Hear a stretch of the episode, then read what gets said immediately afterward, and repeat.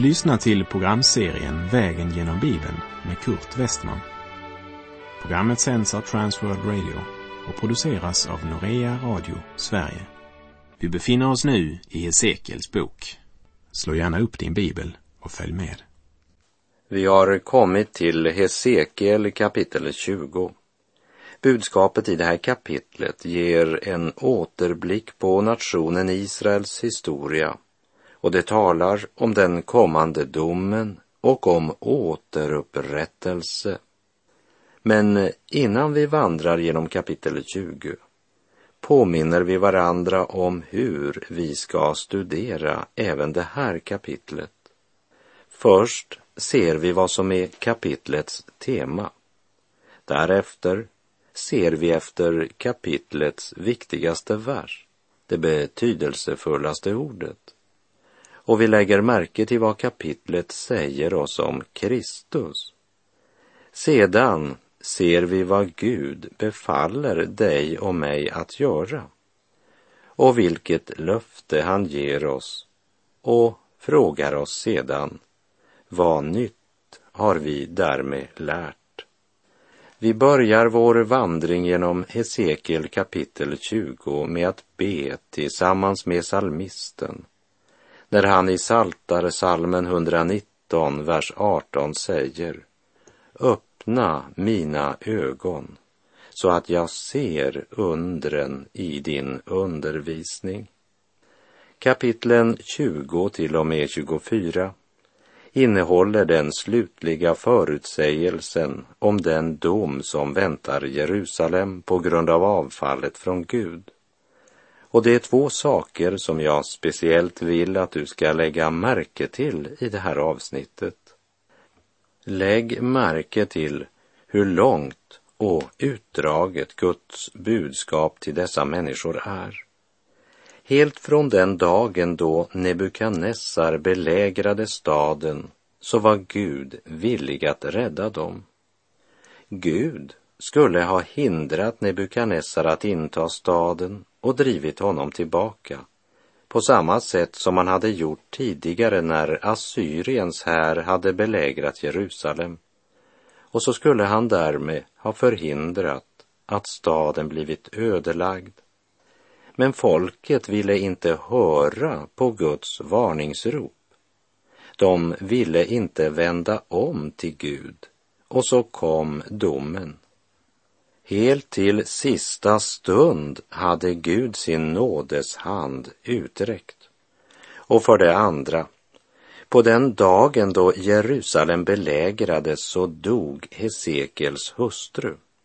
Och Gud sa att Hesekel skulle varken sörja eller gråta över henne. Jag tror att Hesekiel verkligen var en kontrast i relation till Jeremia som före Hesekiel börjat förkunna omvändelsens budskap för Jerusalems folk. Jeremia hade en mors känsliga hjärta och han grät över sitt folk. Och budskapet Jeremia fått att förkunna krossade hans hjärta. Och utan att jag med bestämdhet hävdar att det är så, så vill jag säga att jag personligen tror att Hesekiel var mera oberörd. Han var en stenhård man som närmast tjänstgjorde som Guds brevbärare till ett olydigt folk. Hesekiel kapitel 20 blickar tillbaka på Israels historia, påminner om hur synden präglat folkets handlingar från första början och Hesekiel är som telegrambudet som bara levererar telegram som avsändaren har skickat. Det kan vara ett glädjebud, det kan vara sorgebud. Oberoende av telegrammets innehåll så delar telegrambudet ut telegrammet. Telegrammets budskap berör inte telegrambudet utan mottagaren.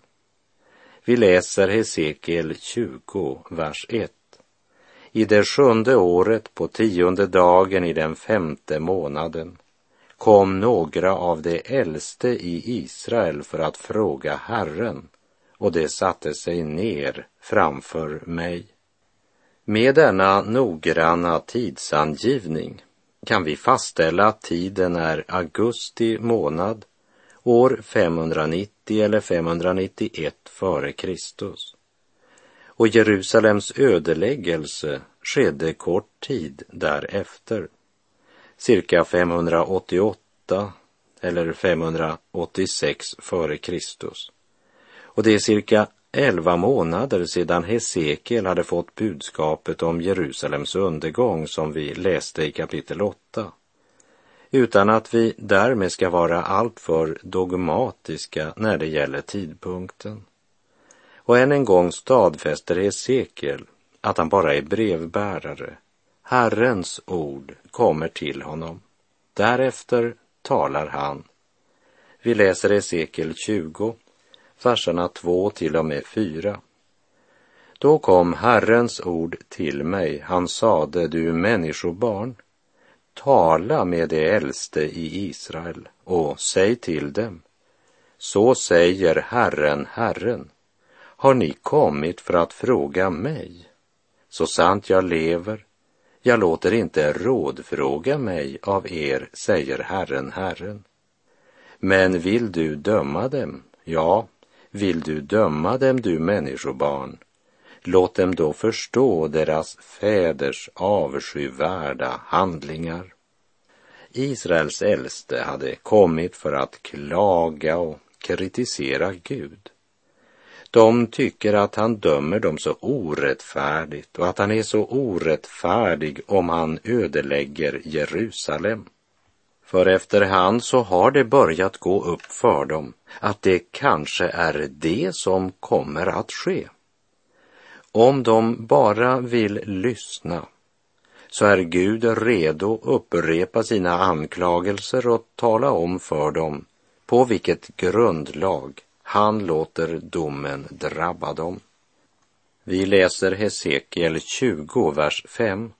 Och säg till dem, så säger Herren, Herren, den dag jag utvalde Israel lyfte jag min hand till ed inför Jakobs avkomlingar och gjorde mig känd för dem i Egyptens land jag lyfte upp min hand till ed inför dem och sade, jag är Herren, er Gud. Gud tar det hela från grunden. Från då han kallade folket ut ur Egypten, förlossade dem från slaveriet och förde dem ut i öknen. Hesekiel 20, vers 13. Men Israels hus var upproriska mot mig i öknen. De följde inte mina stadgar, utan föraktade mina föreskrifter, trots att den människa som handlar efter dem ska leva genom dem. De vanhelgade svårt mina sabbater. Då tänkte jag utgjuta min förbittring över dem i öknen för att förgöra dem. Den generation som gick ut ur Egypten och in i öknen gjorde uppror mot Gud och han lät dem dö i öknen på grund av deras otro. Vi läser Hesekiel 20, verserna 21 och 22. Men deras barn var upproriska mot mig. De vandrade inte efter mina stadgar och höll inte mina föreskrifter så att de följde dem trots att den människa som handlar efter dem skall leva genom dem. Det vanhelgade också mina sabbater. Då tänkte jag utgjuta min förbittring över dem och tömma min vrede över dem i öknen. Men jag drog min hand tillbaka och det jag gjorde skedde för mitt namns skull för att det inte skulle bli vanärat inför det folk som sett hur jag hade fört dem ut. Vi ser att även nästa generation trotsade Gud. Och allt detta blir de äldste i Israel nu påminda om. Det är som om Gud säger, tänk tillbaka. Meditera lite över era liv och handlingar. Länge, länge har ni vanhelgat er Gud.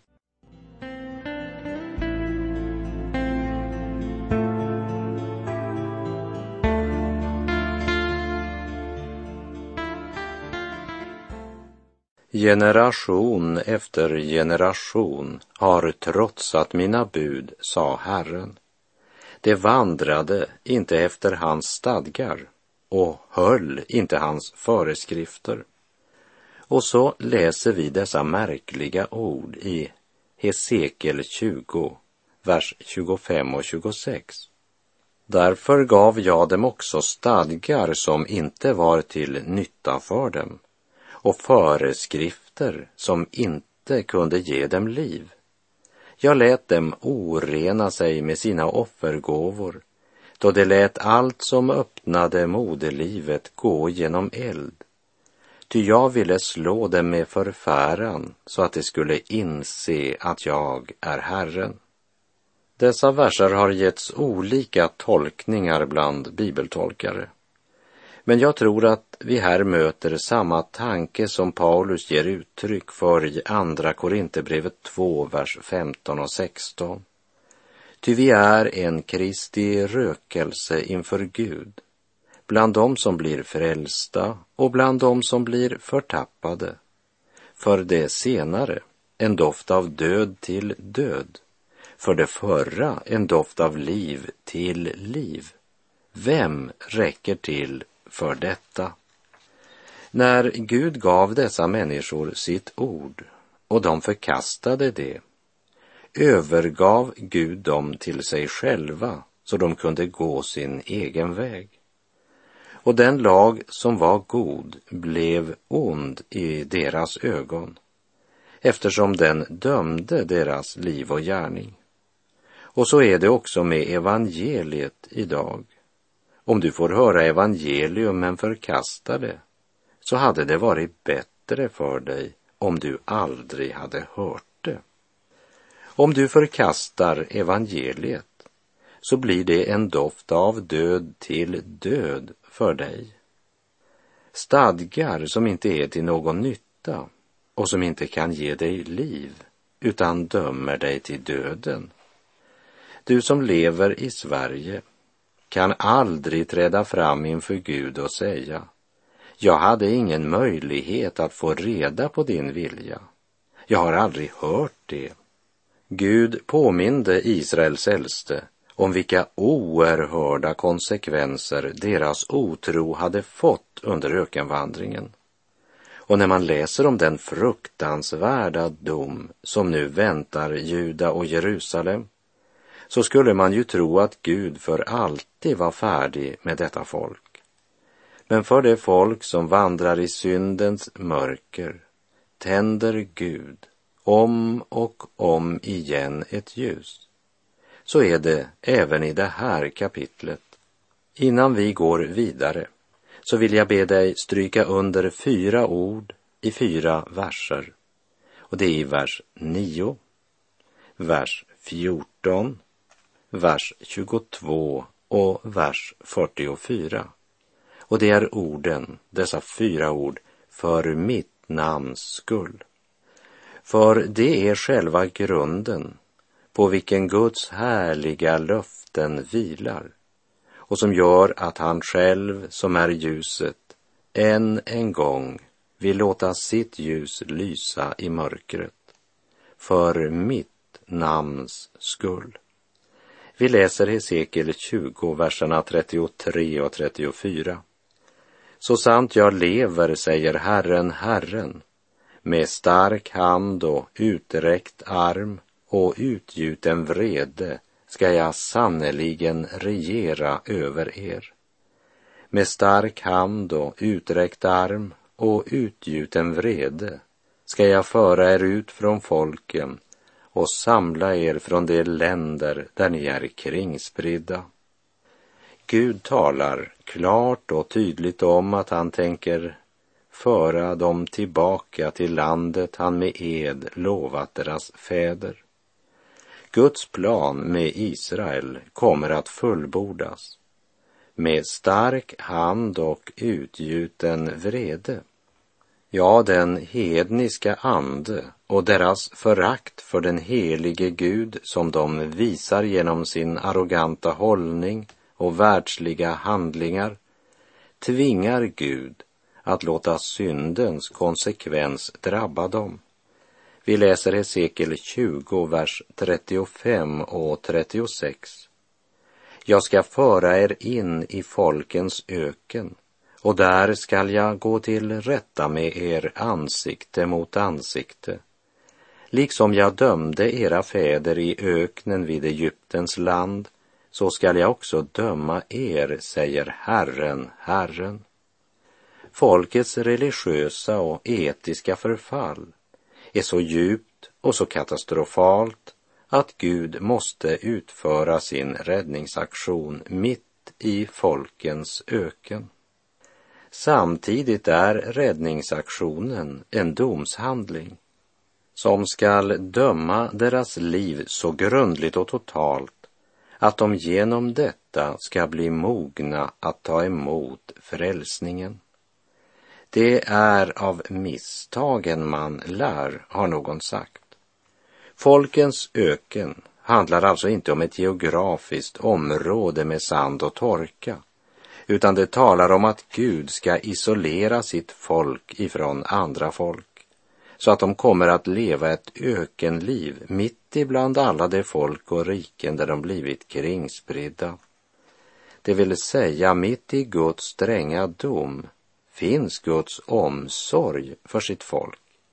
Vi läser Hesekiel 20, verserna 39 och 40. Men hör nu, ni av Israels hus, så säger Herren, Herren. Gå ni och tjäna var och en av er sina avgudar också i fortsättningen, om ni inte vill lyssna på mig men vanhelga inte mer mitt heliga namn med era offergåvor och era avgudar. Ty på mitt heliga berg, på Israels höga berg, säger Herren, Herren, där skall hela Israels hus tjäna mig, alla som finns i landet. Där ska jag ta emot dem. Där ska jag finna behag i era offergåvor och i förstlingen av era gåvor, vad ni än vill helga. När det sägs där ska Israels hela hus tjäna mig, alla som finns i landet, så betyder det alla som av hjärtat omvänder sig till Gud. För det upproriska, det ogudaktiga, kommer inte in i landet utan omkommer i öknen i folköknen. Gör vad du vill, Gud, gör vad du vill. Krukmakarhanden bäst känner till hur den ett kärl av motspänstigt ler formar så att mästaren ära det ger. Gör vad du vill, Gud, gör vad du vill. Dödstrött och slagen hör jag dig till. Sorgen och synden brutit mig ner. Helande kraften frälsaren ger.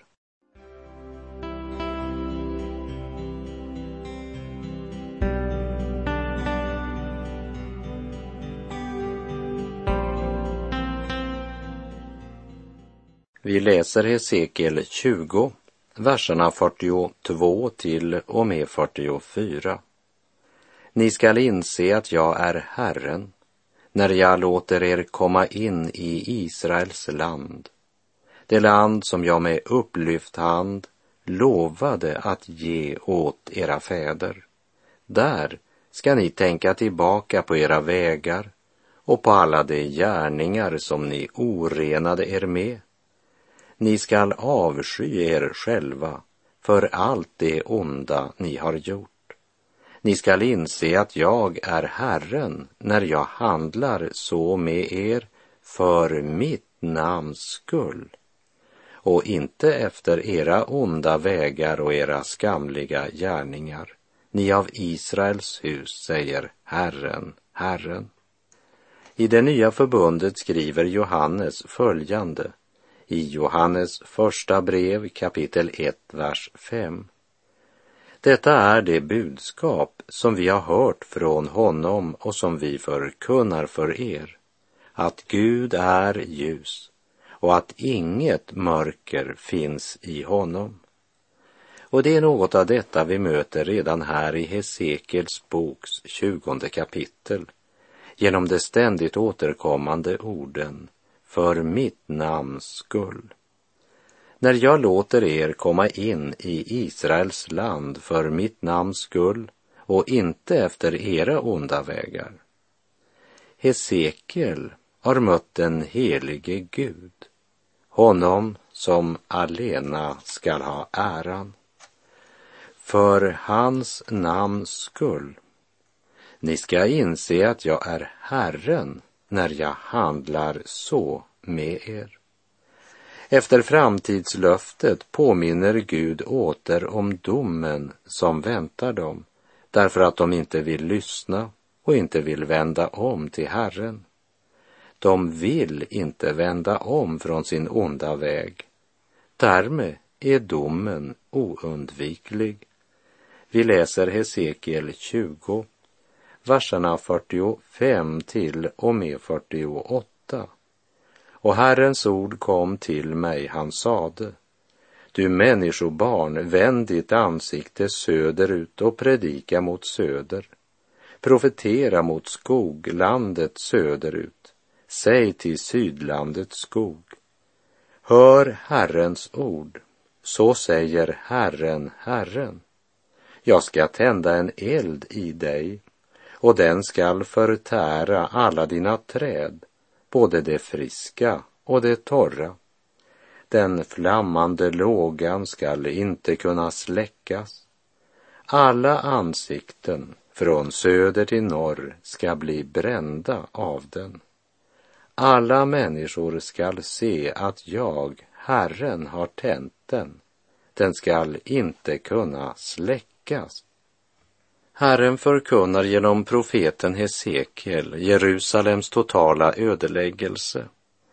I den hebreiska grundtexten hör verserna 45 till och med 49 med i kapitel 21 som talar om Herrens svärd och som vi ska se närmare på i nästa program. Här vill jag bara nämna att Herren genom sin profetröst på jorden påminner om Guds konkreta ingrepp som står för dörren. Elden talar om Guds dom, liksom elden förtär syndoffret som lagts på altaret. All synd är synd mot Gud och synden bestraffas också av Gud. Så säger Herren, Herren, jag skall tända en eld i dig den flammande lågan skall inte kunna släckas. Alla ansikten från söder till norr skall bli brända av den. Den människa som försöker stoppa Guds eld bränner sitt eget ansikte. Gud låter inte jäcka sig. När Guds timme kommer måste människan skörda vad hon har sått och ingen människa kan släcka den elden. I det nya förbundet skriver Johannes i sitt första brev kapitel 1 från vers 10 till och med 2 vers 2. Om vi säger att vi inte har syndat gör vi honom till lögnare och hans ord är inte i oss. Mina barn, detta skriver jag till er för att ni inte ska synda. Men om någon syndar har vi en som för vår talan inför Fadern, Jesus Kristus som är rättfärdig. Han är försoningen för våra synder och inte bara för våra utan också för hela världens. Och jag läser Johannes 3, verserna 16 till och med 19. Ty så älskade Gud världen att han utgav sin enfödde son för att de som tror på honom inte ska gå förlorade utan ha evigt liv. Inte sände Gud sin son till världen för att döma världen utan för att världen skulle bli frälst genom honom. Den som tror på honom blir inte dömd, men den som inte tror är redan dömd eftersom han inte tror på Guds enfödde sons namn. Och detta är domen. Ljuset kom till världen och människorna älskade mörkret och inte ljuset eftersom deras gärningar var onda. Människorna älskade mörkret och inte ljuset, sa Jesus. Och så var det även på Hesekiels tid. När jag nu ska citera något som Jesus har sagt så ska du ha klart för dig det sammanhang som det ordet står i. Från vers 31 i Johannesevangeliets åttonde kapitel så talar Jesus till de judar som hade kommit till tro på honom. Det vill säga, det var judar som bekände att de trodde att han var den utlovade Messias. Men när han sa varför han hade kommit till världen och vad som var hans gärning så reagerar de mycket negativt. Och så säger Jesus i Johannes 8, vers 47. Den som är av Gud lyssnar till Guds ord, men ni lyssnar inte därför att ni inte är av Gud. Så var det redan på Hesekiels tid. Vi förstår inte vad du säger. Varför talar du i gåtor? Prata så vi förstår dig. Hesekiels uppgift var ytterst otacksam och nu klagar han ut sin nöd inför Gud i Hesekiel 20.49. Och jag sade, ack Herre, Herre, dessa säger om mig, denne talar ju i gåtor.